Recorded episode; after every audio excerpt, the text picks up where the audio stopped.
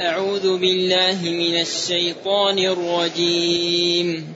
قاتلوا الذين لا يؤمنون بالله ولا باليوم الآخر ولا يحرمون ما حرم الله ورسوله ولا يدينون دين الحق من الذين أوتوا الكتاب حتى يعطوا الجزية عن يد وهم صاغرون.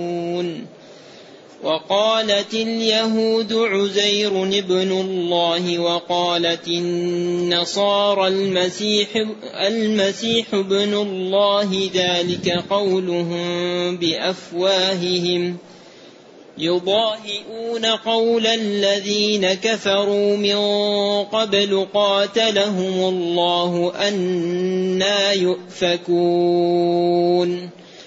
اتخذوا أحبارهم ورهبانهم أربابا من دون الله والمسيح ابن مريم وما أمروا وما امروا الا ليعبدوا الها واحدا لا اله الا هو سبحانه عما يشركون يريدون ان يطفئوا نور الله بافواههم ويابى الله الا ان يتم نوره ويأبى الله إلا أن يتم نوره ولو كره الكافرون هو الذي أرسل رسوله بالهدى ودين الحق ليظهره على الدين كله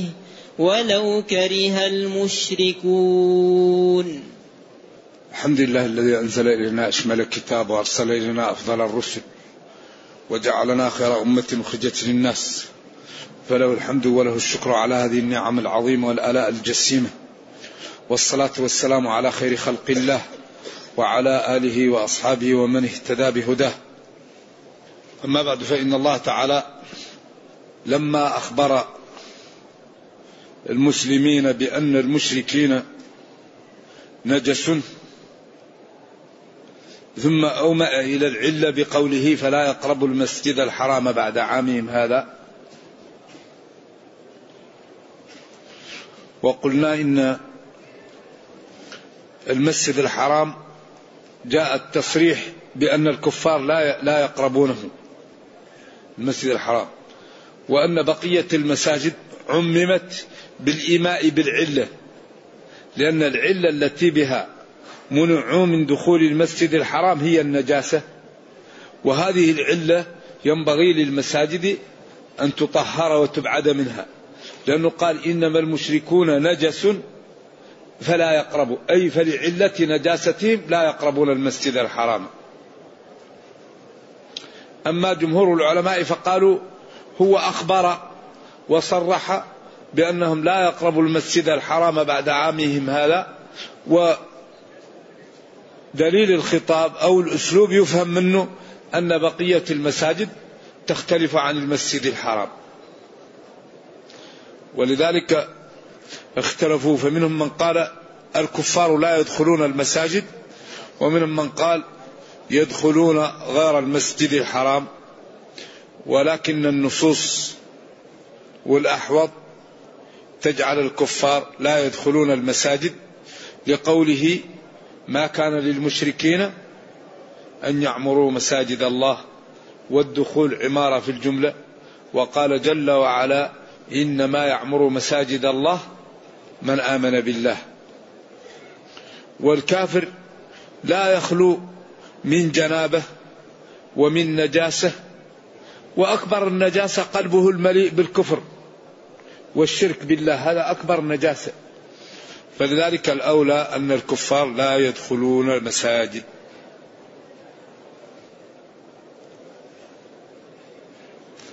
ثم قال وإن خفتم عيلة عال يعيل إذا افتقر ويعول ضعيفة موجودة أه وعال يعول إذا جار. وإن خفتم فقرا من أن الكفار لا يأتون للمسجد الحرام وهم أصحاب التجارة وأصحاب الموارد. خفتم فقرا من ذلك؟ فالله تعالى يغنيكم من فضله. قال العلماء إن السبب عن الرزق والخوف على الرزق هذا لا يمنع من التوكل. ولذلك هذا الصحابة لما قالوا كيف نعيش والكفار يمنعون من الدخول قال الله لهم فسوف يغنيكم الله من فضله. إذا بحث المسلم عن الرزق والأخذ بالأسباب مع التوكل على الله لا يضر. بل الله تعالى أمر بالأخذ بالأسباب. وقال اعقلها وتوكل. وقال لمريم وهزي إليك بجذع النخلة. ساقط عليك. ونبينا صلى الله عليه وسلم بحث عن خريتا. وأخذ عبد الله بن الوريقط الديلي وكان كافرا. وأعطاه ناضحيه. ووفى لهم وأخذ طريق ليست معهودة حتى جاء للمدينة. لم يأخذ به طريق البحر الساحل ولم يأخذ به الطريق الأخرى. أخذ به طريقا بين الطرق والأخذ بالأسباب مطالب به. ولا ينافي التوكل. ثم قال قاتلوا الذين لا يؤمنون بالله. قاتلوهم. قاتل المفاعلة قاتلوهم وغالبوهم. بعدين هيج في قلوبهم التحميس للقتال وبين الداعي لقتالهم. قال الذين لا يؤمنون بالله ولا باليوم الآخر ولا يحرمون ما حرم الله ورسوله ولا يدينون دين الحق. إذا هذه الأفعال الثلاثة حري بأن كل واحد يكون سببا في القتال لكن ثقل الجملة والكلام منصب على قوله تعالى ولا يدينون دين الحق لأنهم هم كان عندهم جزء من الإيمان بالله واليوم الآخر. لكن الذي كان ناقصا عندهم الدين الحق. أنهم كانوا يتبعون النبي صلى الله عليه وسلم فيما جاء به لأنه بعد رسالته شريعته نسخت الشرائع السابقة قال ومهيمنا عليه مهيمنا عليه فشريعته نسخت كل الشرائع السابقة. إذا قال جل وعلا قاتلوا الذين لا يؤمنون بالله ربا معبودا بحق متصفا بصفات الجلال والكمال ولا باليوم الآخر البعث.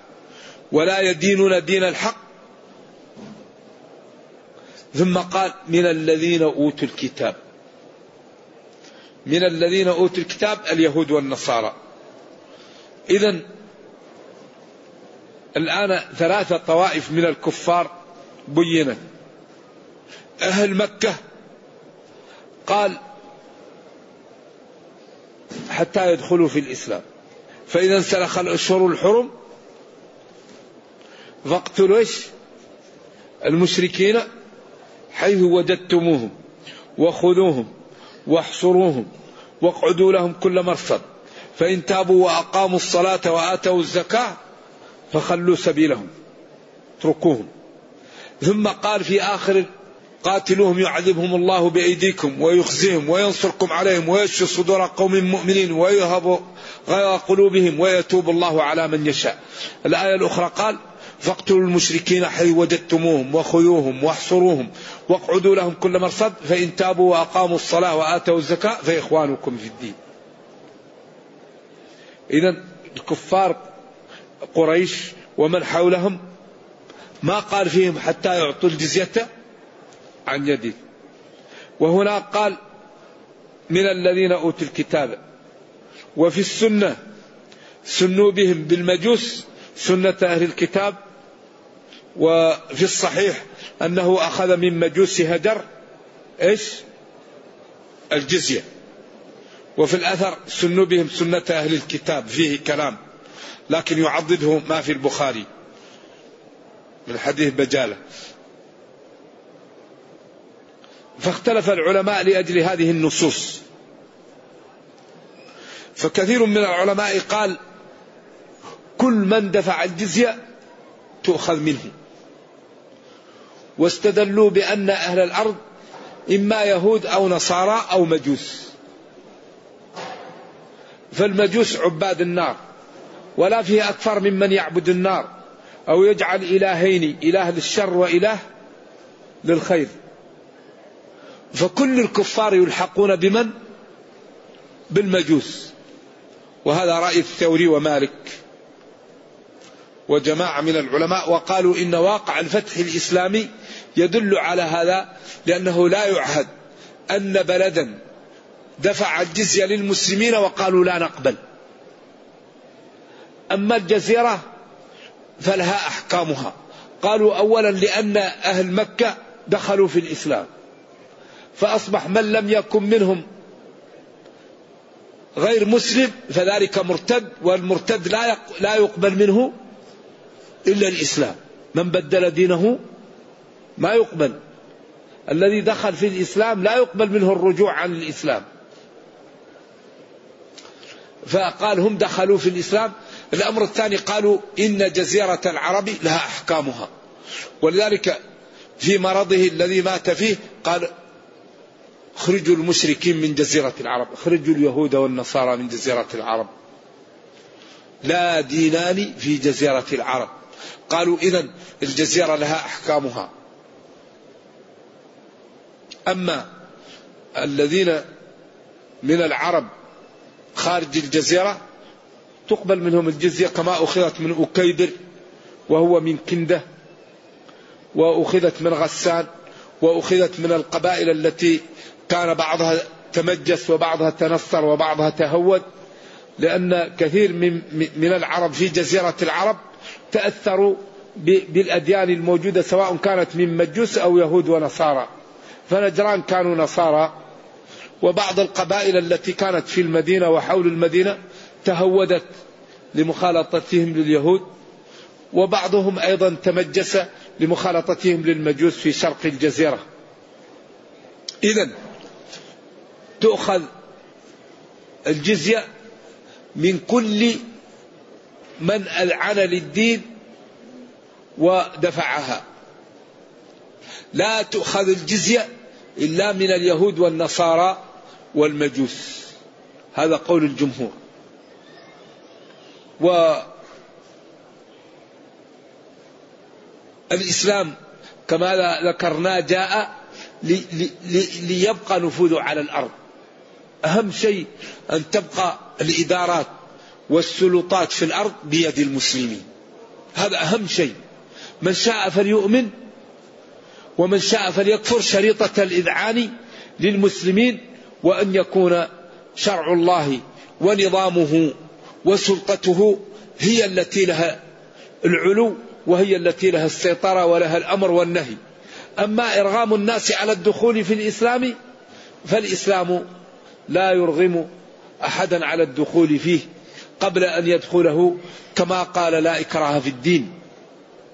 لا إكراه في الدين. الإسلام لا يرغم أحدا على أن يدخل فيه. لكن الذي دخل فيه لا يسمح له بالخروج. لكن قبل الدخول لا يرغم احدا ولذلك الصحيح أن الآية غير منسوخة وأن الإسلام لا يكره احدا على الدخول فيه. وإن من شاء فليؤمن ومن شاء فليكفر. شريطة الإذعان لنظام الإسلام. والمسلمون يحمون عرضه ونفسه وماله شريطة أن يقوم بما عمل معه من الاتفاق الذي عمله المسلمون سواء كان بولي أمرهم أو بنائبه. ولذلك هذا الإسلام إذا خالط أصحابه غير المسلمين دخلوا في الإسلام لما يروا من جماله وحسنه وعدالته ونزاهته وجمال ما يدعو إليه وضرر ما ينهى عنه. فلذا كل من خالط آه، المسلمين من غير المسلمين تجد أنه يحب الإسلام ويدخل فيه. لكن شريطة أن يكون المسلمون مسلمين. يكونوا مسلمين حقا لا يكونوا مسلمين إيش؟ بالادعاء. يتكلمون بالإسلام ويفعلون أفعال تخالف الإسلام.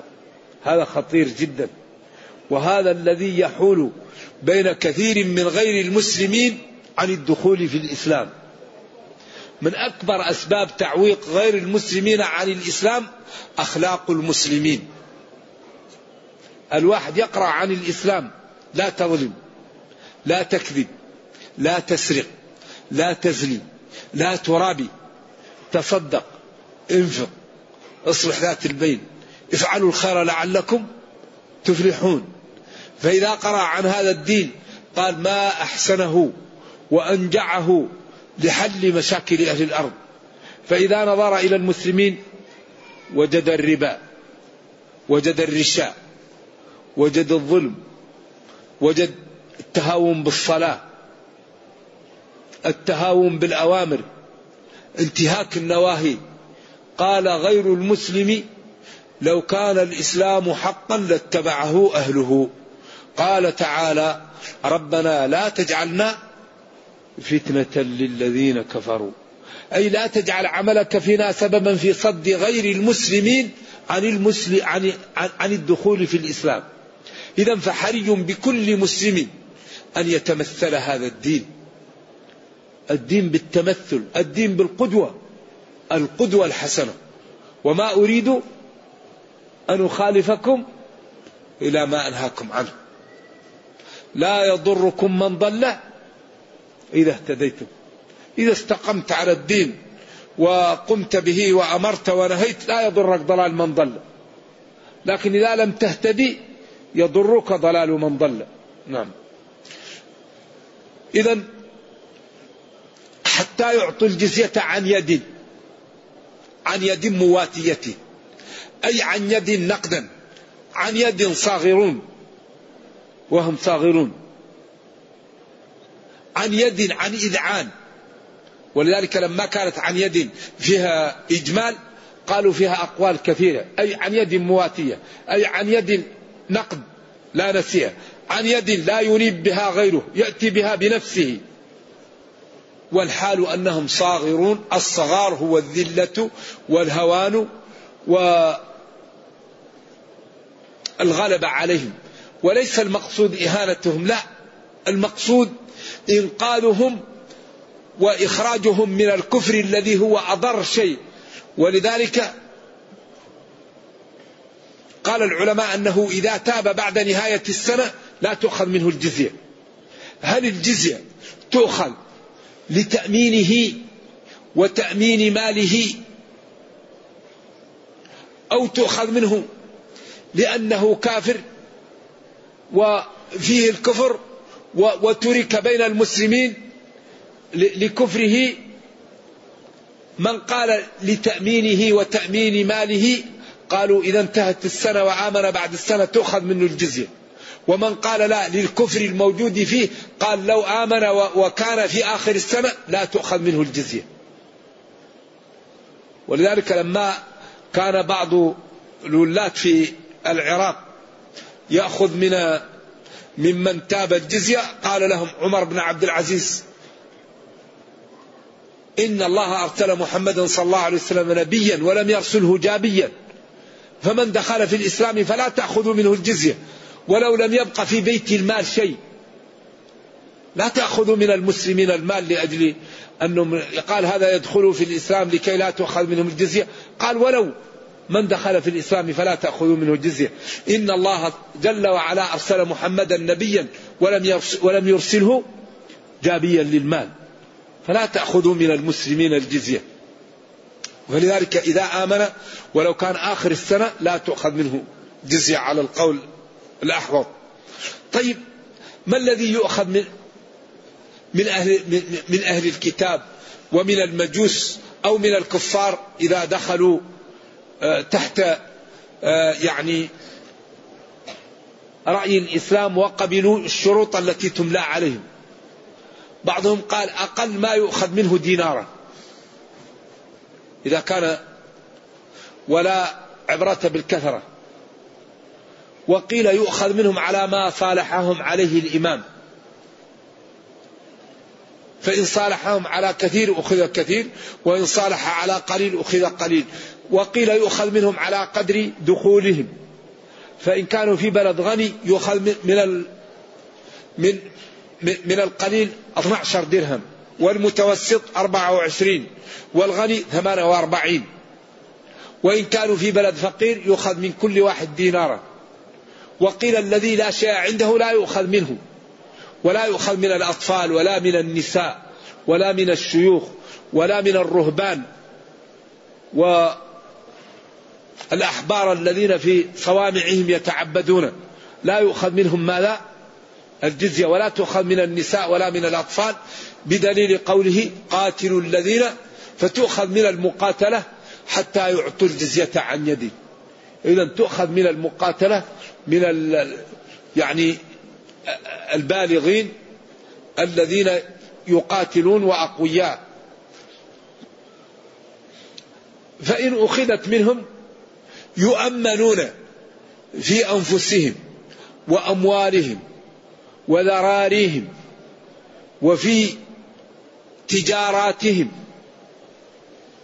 ويتركون يمارسون ما يريدون ممارسته من طقوسهم ومن أعمالهم شريطة أن لا يظهروها للمسلمين ولا يضايق المسلمين بالأمور المحرمة فلا يظهرون أكل الخنزير ولا يظهرون الخمر في, في, في الطرقات وفي الشوارع وإنما إن أرادوا أن يشربوا الخمر أو يأكلوا الخنزير في بيوتهم ولا يظهروا ذلك للمسلمين أو يبيعوا في تجارتهم فلهم ذلك.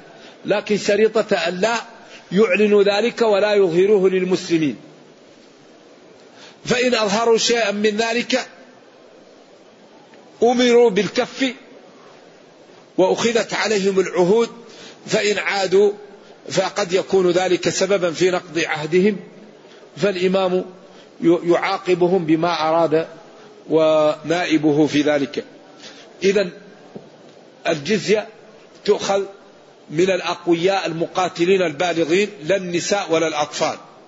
وأقل ما يؤخذ دينار على قول أو على قدر ما يتفق عليه فإذا أخذت منهم يؤمنون في أنفسهم وأموالهم وأعراضهم ومن اعتدى على ذمي فعليه العقوبة ولا يجوز والإمام يؤدبه. فلذلك أي كافر يأتي لبلاد المسلمين مستأمن لا ينبغي أن يؤذى. لأن هذا نقض العهود لا ينبغي. ولذلك قال جل وعلا وإن أحد من المشركين استجارك فأجره حتى يعلم هذا الدين ويفهمه ويعرف صدق النبي صلى الله عليه وسلم وجمال حسن فإذا أراد أن يدخل في الدين فليتفضل. وإن أراد الكفر فأبلغه مأمنة فإذا بلغته مأمنة وأردت أن تقاتله فلك ذلك. لأن المسلمين مطالبون بأن تبقى الأرض بيد المسلمين. إن الأرض لمن؟ لله. الأرض لله. فلا بد أن تبقى الإدارات في العالم بيد المسلمين. لا بد أن يحكم في الأرض بحكم الله. وأن يحكم بينهم بما أنزل الله. إن الحكم إلا لله.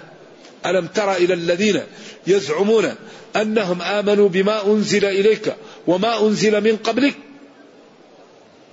يريدون أن يتحاكموا إلى الطاغوت وقد أمروا أن يكفروا به ويريد الشيطان أن يضلهم ضلالا بعيدا.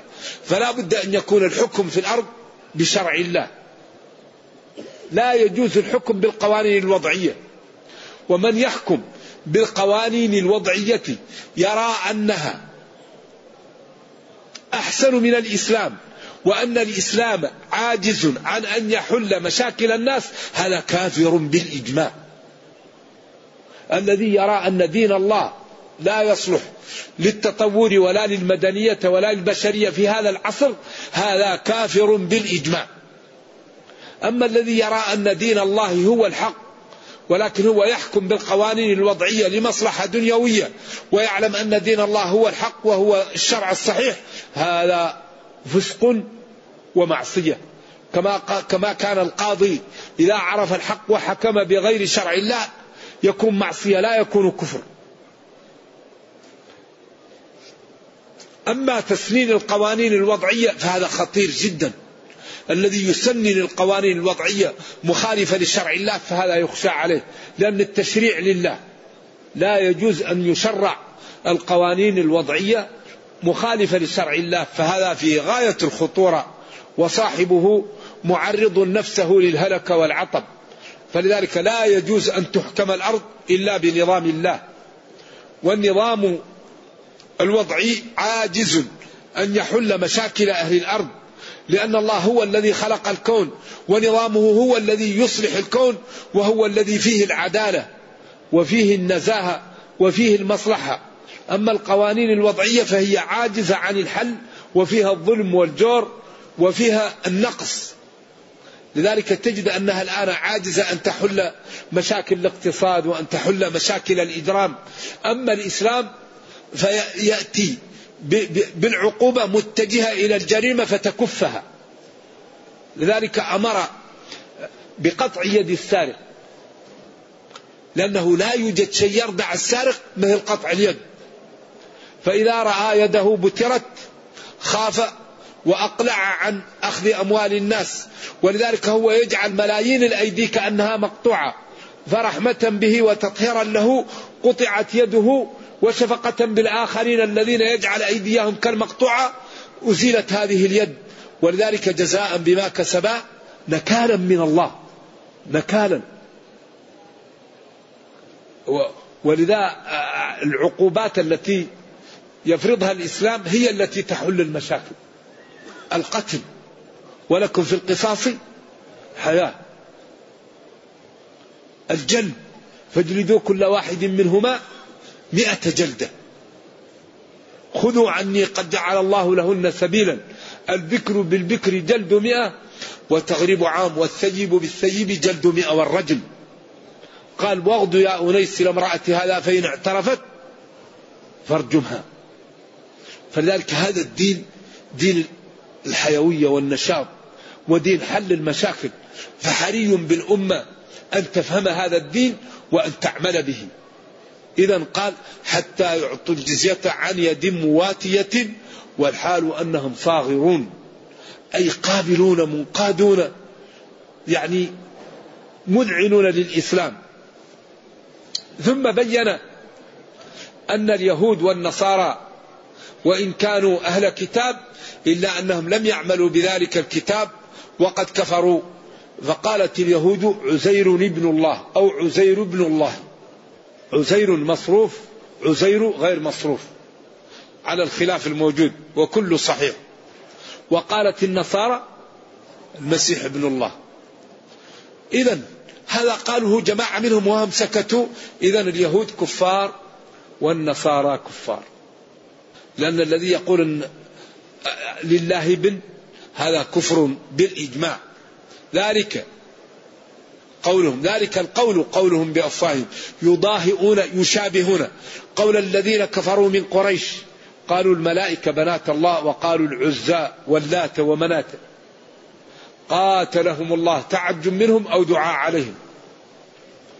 أنا يؤفكون. كيف يصرفون عن وحدانية الله تعالى وربوبيته وألوهيته وأنه يستحيل أن يكون لموجد الكون ابنا؟ قال ما المسيح ابن مريم إلا رسول قد خلت من قبله الرسل وأمه صديقة كانا يأكلان طعام. هم المسيح وأمه عاجزان مفتقران لبيت الأدب يأكلان الطعام. انظر كيف نبين لهم الآيات.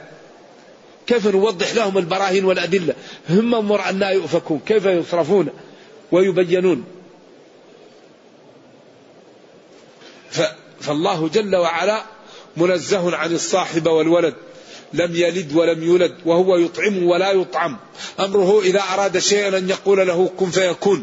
لا تأخذه سنة ولا نوم. يعز ويذل ويرفع ويخفض. ذلك اليهود والنصارى كفروا. قاتلهم الله أنا يصرفون. بعدين قال اتخذوا أحبارهم. الأحبار جمع حبر أو حبر. كل لغة.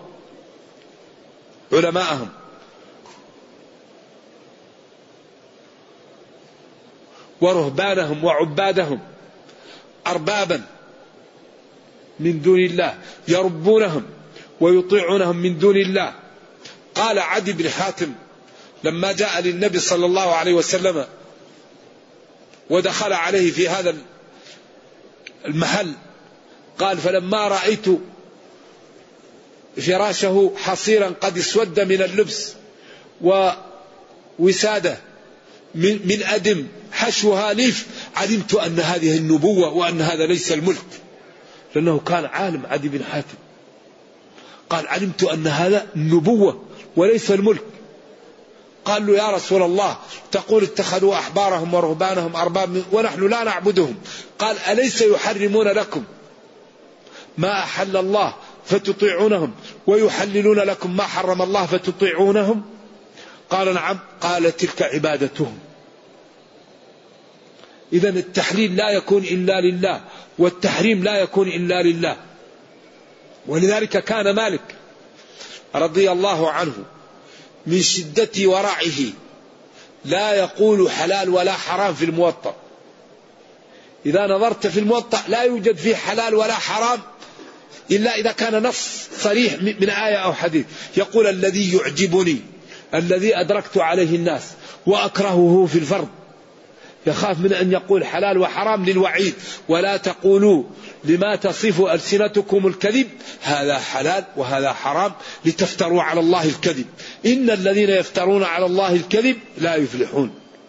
فيقول الذي أدركت عليه الناس الذي يعجبني أكرهه في الفرد الذي رأيت الناس يخاف من الحلال والحرام. لذلك قال ألم يحللون لهم ويحرمون عليهم ويطيعونهم؟ قال بلى. قال تلك عبادتهم. اتخذوا استعملوا أحبارهم علماءهم وعبادهم أربابا. مفعول الثاني. والرب هو السيد والمالك والمدبر للأمر. من دون الله. ولا ينبغي أن يربى إلا الله لأنه هو السيد والمدبر والمالك. والمسيح ابن مريم. قالوا إنه يبرئ الأكمه والأبرص وأنه ولد من غير أب إذا هو ابن الله عياذا بالله. والله رد عليهم ردا مقنعا في قوله آية آدم خلقه إيش؟ إن مثل عيسى عند الله. كمثل آدم خلقه من تراب. ثم قال له كن فيكون. إن مثل عيسى عند الله كمثل آدم. خلق كما أن آدم خلق من تراب كذلك عيسى خلق من غير أب. ولذلك القسمة رباعية من أب وأم من أم بدون أب ومن أب بدون أم ومن أم وأب. حواء من أب بدون أم. وآدم من غير أب وأم وعيسى من أم بدون أب وبقية الخلق من أم وأب. إذا مثل عيسى عند الله كمثل آدم. كما أن آدم خلق من تراب ونفخ فيه الروح حية كذلك عيسى جاء الملك. قالت أعوذ بالله منك إن كنت تقيا. قال إنما أنا رسول ربك. لأهب لك غلاما زكيا. قالت أنا يكون لي غلام. ولم يمسسني بشر. ولم أكن قال كذلك. قال ربك هو علي هين. ولنجعله آية للناس ورحمة منا. وكان أمرا مقضيا. فحملته فانتبذت به مكانا قصيا. فجاءها المخاض إلى جذع النخلة. بعدين جاءت. قالوا يا أخت هارون ما كان أبوك؟ وما كانت أمك؟ هذا في غاية الإساءة لأن الإساءة المؤدبة أشد من الإساءة المقنعة. يعني أنت فيك وفيك وهي ليست اخت هارون أو آه، مريم ولكن هذا موسى آخر وهارون آخر لأن هذه الأسماء تكثر لأن بين موسى وعيسى كم من الزمن؟ قرون عديدة. فأشارت إليه. قالوا كيف نكلم من كان في المهد صبيا قال إني عبد الله آتاني الكتاب وجعلني نبيا وجعلني مباركا أينما كنت إلى آخر الآية فبهيت. فلذلك هذا الدين الإسلام دين لا يقاوم أبدا إلا بأن نتركه. أو نمنع من البيان الذي يقاوم به الإسلام يقاوم الإسلام بأمرين وهما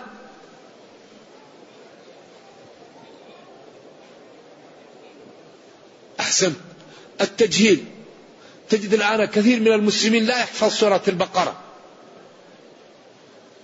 لو الآن تأتي وتقول من يحفظ سورة البقرة؟ كم واحد؟ تجد عشرات من المسلمين لا يحفظون سورة البقرة. سورة البقرة سلام القرآن. جلس عليها ابن عمر ثمانية سنين وجلس عليها أبوه كم؟ 12 سنة. ولما حفظها عمر نحار جزورا لأصحابه. وقال ابن العربي فيها ألف أمر وألف نهي وألف حكم. هي سلام القرآن. فنحن في حاجة ماسة إلى العمل بهذا الدين. لأننا إذا لم نعمل بالدين لا ينفعنا. والعلم محض الجهل إن لم ينفعي. فتجد أن أكبر معوق للمسلمين التجهيل أو عدم العمل. إما واحد يجهل أو واحد لا يعمل. الذي يجهل ما يعرف الدين والذي يعلم ما يعمل. هذا هو الذي سبب لنا التقويض وسلط علينا أعداءنا. سلط علينا أعداءنا عدم العمل. والدنيا يحكمها قانون ماذا؟ المعاوضة. تبذل تربح. تنام تخسر. لولا المشقة ساد الناس كلهم. الجود ما لا يفعل يفقر والإقدام قتال والسؤدد منحصر في النفس والمال.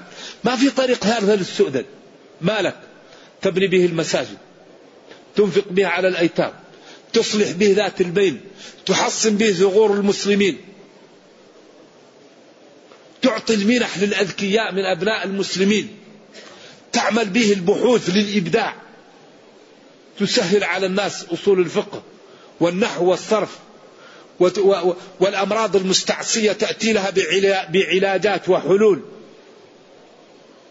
وتأتي بطرق للاقتصاد حلال من غير ما تقوض الاقتصاد ومن غير ما تعصي ربه. يكون عندنا اهتمام بمصالح المسلمين العامة وبالرفع من مستوى المسلمين. أما تجد أن المسلمين أهم شيء عنده ينظر لأخيه في الصف الأول جنبه ويقول له أبغضك في الله أكرهك في الله. طيب كيف تكره أخاك؟ ونبينا يقول لا يؤمن أحدكم حتى يحب لأخيه ما يحب لنفسه. فتجد أن المسلمين على بعض. لذا ضروري جدا من أن العقلاء يتعاونون. الله يقول وتعاونوا كونوا مع الصادقين وأعدوا اثبتوا. هذه الأوامر لا بد أن تفعل ونواهي يكف عنها ولا تنازعوا ولا تكونوا كالذين خرجوا من ديارهم. لا يغتب بعضكم بعضا لا تنابزوا بالألقاب لا يسخر قوم من قوم. ذروا ما بقي من الربا ولا تقربوا الزنا.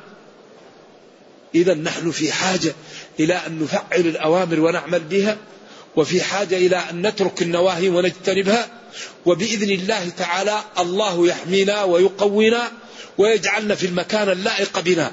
لكن لا بد أن نقوم بالأسباب. لا بد أن نهتم بالعقول وبالاستشارة وبالعلم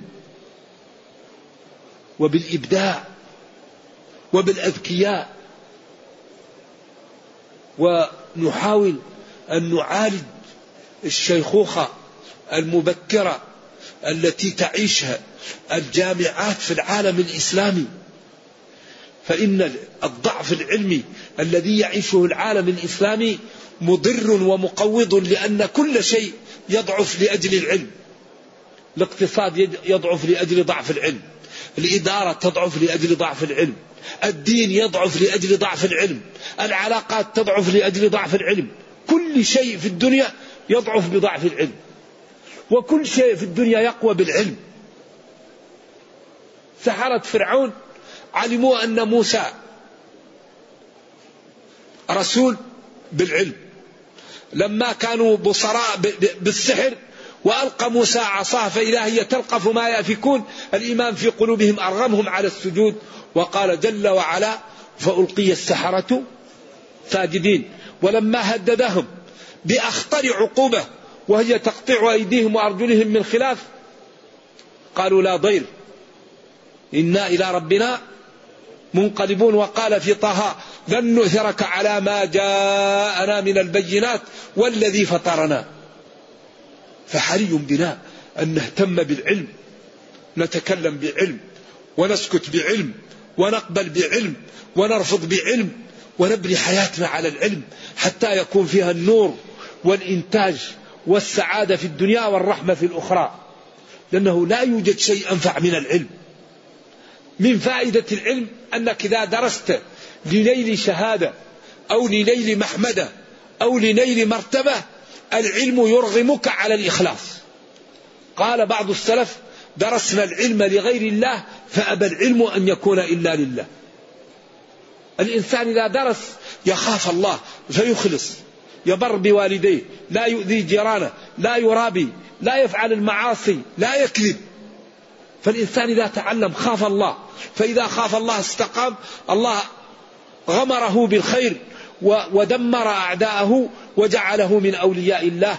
ومن عادى لي وليا فقد آذنته بالحق إذا حري بنا أن نتمثل هذا الدين وأن نعمل به وما نرجوه الله يعطينا إياه. ما الذي نريد؟ نريد الغناء الله يغنينا. نريد العزة الله يعزنا. نريد الرحمة الله يرحمنا. نريد أن نكتفى شر الأعداء. الله يكفينا شر الأعداء. فلنكن عبيد لله ولنعمل بطاعة الله ولنعلم ما شرع الله والله يغنينا ويكفينا؟ لأنه قال ومن يتق الله يجعل له مخرجا. وقال ولا ينصرن الله. وقال إن الله لا يخلف ميعاد. وقال إن الله لا يضيع. إذا كل واحد منا يجتهد لي أن يكون مسلما تقيا فاهما. كل واحد منا يتصل بثلاث صفات. مسلم لا يكون كافر. متقي لا يكون فاجر. فاهم لا يكون مغفلا. ونحن نريد أن نكثر هذه النوعية. لأن هذه النوعية الكفار يريدون إزالتها من الأرض كما كانوا يريدون الفعل بالنبي صلى الله عليه وسلم. وإذ يمكر بك الذين كفروا ليثبتوك أو يقتلوك أو يخرجوك. نحن نكثر هذه النوعية. نكثر المسلم المتقي الفاهم. ونرفق بالمخالف. ونأخذ من كل مسلم ما يستطيع أن يقدم لنا لدينه ولأمته. ولا نكلف الناس ما لا تستطيع. ونحاول أن نرفق وندعو الناس بأخلاقنا وبسلوكنا قبل أن ندعوهم بإيش؟ بأقوالنا لأن الخلق هو الذي ينشر الدين وهو الذي يعطي للإنسان درجة الصديقين. فلنجتهد في هذا الجانب وما أردناه يعطينا الله إياه. إذا يقول اتخذوا هؤلاء آه، اليهود والنصارى أحبارهم علماءهم وعبادهم أربابا من دون الله. وكذلك المسيح ابن مريم وما أمروا إلا ليعبدوا إلها واحدا. لا إله إلا هو. سبحانه جل وعلا عما يشركون. يريدون هؤلاء أن يطفئوا. أن وما دخلت عليه في تأويل مصدر منصوب بنزع الخافض. يريدون إطفاء ليطفئوا. نور الله محمد صلى الله عليه وسلم أو ما جاء به أو هما معا. بأفواههم أي بأقوالهم. وهذا مستحيل. أو كأن هذا الدين مثل النار الكبيرة وهم كأنهم ينفخون فيها ويستحيل أن يطفوها بالنفخ. أي يريدون المستحيل. ويأبى الله إلا أن يتم نوره. إلا أن يتم كأن يأبى فيها معنى الامتناع. فلذلك جاء بعدها الاستثناء يأبى لا يرضى الله إلا أن يتم نوره. ويظهر هذا الدين على كل الأديان. ولو كره المشركون. ولو كره الكافرون. فالله تعالى غالب على أمره ومعلن دينه ولكن بشرط أن يقوم المسلمون بما شرط عليهم. كما قال تعالى أوفوا بعهدي أوفي بعهدكم. لئن أقمتم الصلاة وآتيتم الزكاة وآمنتم برسلي وعزرتموهم وأقرضتم الله قرضا حسنا؟ إيش؟ لأكفرن عنكم سيئاتكم ولأدخلنكم جنات تجري من تحتها الأنهار إذا حري بكل واحد منا أن يتقدم الصفقة يدفع الثمن والله تعالى يعطيه المذمون. أما كل واحد يريد الثمن والمذموم ما حصل هذا. الذي يريد الجنة يبذل. الجنة لها ثمن. إن الله اشترى. اشترى. تدفع من نفسك تدفع من مالك تدفع من وقتك تدفع من جهك بعدين ترضي ربك. وتنال الفوز. وتأمن مما تخاف. نرجو الله جل وعلا أن يرينا الحق حقا ويرزقنا اتباعه وأن يرينا الباطل باطلا. ويرزقنا اجتنابه وأن لا يجعل الأمر ملتبسا علينا فنضل. اللهم ربنا آتنا في الدنيا حسنة وفي الآخرة حسنة وقنا عذاب النار. اللهم اغفر لنا ذنوبنا كلها دقها وجلها أولها وآخرها علانيتها وسرها. اللهم أصلح لنا ديننا الذي هو عصمه أمرنا وأصلح لنا دنيانا التي فيها معاشنا. وأصلح لنا آخرتنا التي إليها معادنا واجعل الحياة زيادة لنا في كل خير والموت راحة لنا من كل شر سبحان ربك رب العزة عما يصفون وسلام على المرسلين والحمد لله رب العالمين والسلام عليكم ورحمة الله وبركاته. نريد من الإخوان الذين يسألون أن تكون الأسئلة متجهة في الآيات أو في الأحاديث أو في الأحكام التي يحتاجها أحدنا في عبادته. أما الأسئلة التي هي ترف أو لا تعلق بالدرس الأولى أن تؤجل ولا تكون بعد الدرس.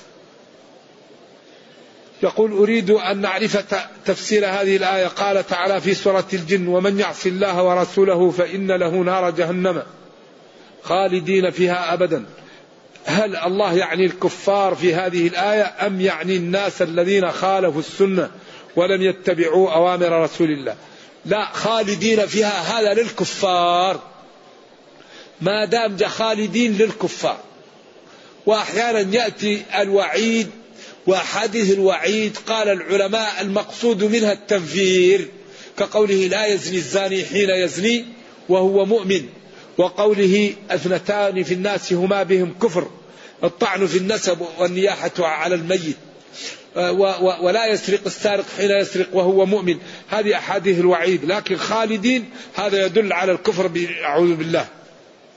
يقول أريد عمرة لصديق متوفى. يجوز لكن بعد أن تعتمر عن نفسك. نجاسة الكفار. يفهم من دخول المساجد كيف وكان رسول الله صلى الله عليه وسلم استقبل النصارى في مسجده؟ ما قلنا إن التوبة آخر سورة نزلت وأن هذا قبل نزول إنما المشركون نجس وأنه ربط ثمام بن أثار في المسجد وأنه أنزل الوفود في المسجد قبل نزول التوبة. على كل حال هذا خلاف بين العلماء ولطالب العلم أن يختار ما يحلو له ويرفق بالمخالف. لكن الله قال ما كان للمشركين أن يعمروا. مساجد الله ثم بين هذا المفهوم بقوله إنما يعمر مساجد الله من آمن بالله وقال إنما المشركون نجس وبعدين أومأ إلى العلة فلا يقربوا أي فلعلة نجاستهم لا يقربون المسجد الحرام. ونبينا قال إن المساجد لا تصلح لشيء من هذه القاذورات. والكفر قذارة. إما حسية أو معنوية أو هما معا. فلا يأتي الكافر للمسجد. هل يجوز؟ هل الأفضل للمرأة أن تصلي في المسجد النبوي أو في بيتها؟ أفضل لها أن تصلي في بيتها.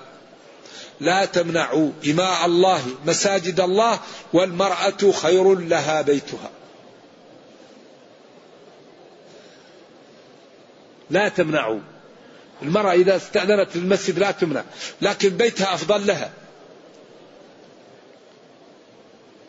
لبس الحذاء تحت الكعبين للمحرم يجوز. الصلاة في الصفوف المقطعة خلاف الأولى تصح لكن خلاف الأولى لأن نبينا قال أكملوا الصفوف اكملوا الصفوف. ورد هذا الأول فالأول. لا تختلفوا لا تسون صفوفكم أو لا يخالفن الله بين قلوبكم. كان يقول استووا ويأمر بتسوية الصفوف. فالصفوف المقطعة خلاف الأولى. نكتفي صلى الله على نبينا محمد.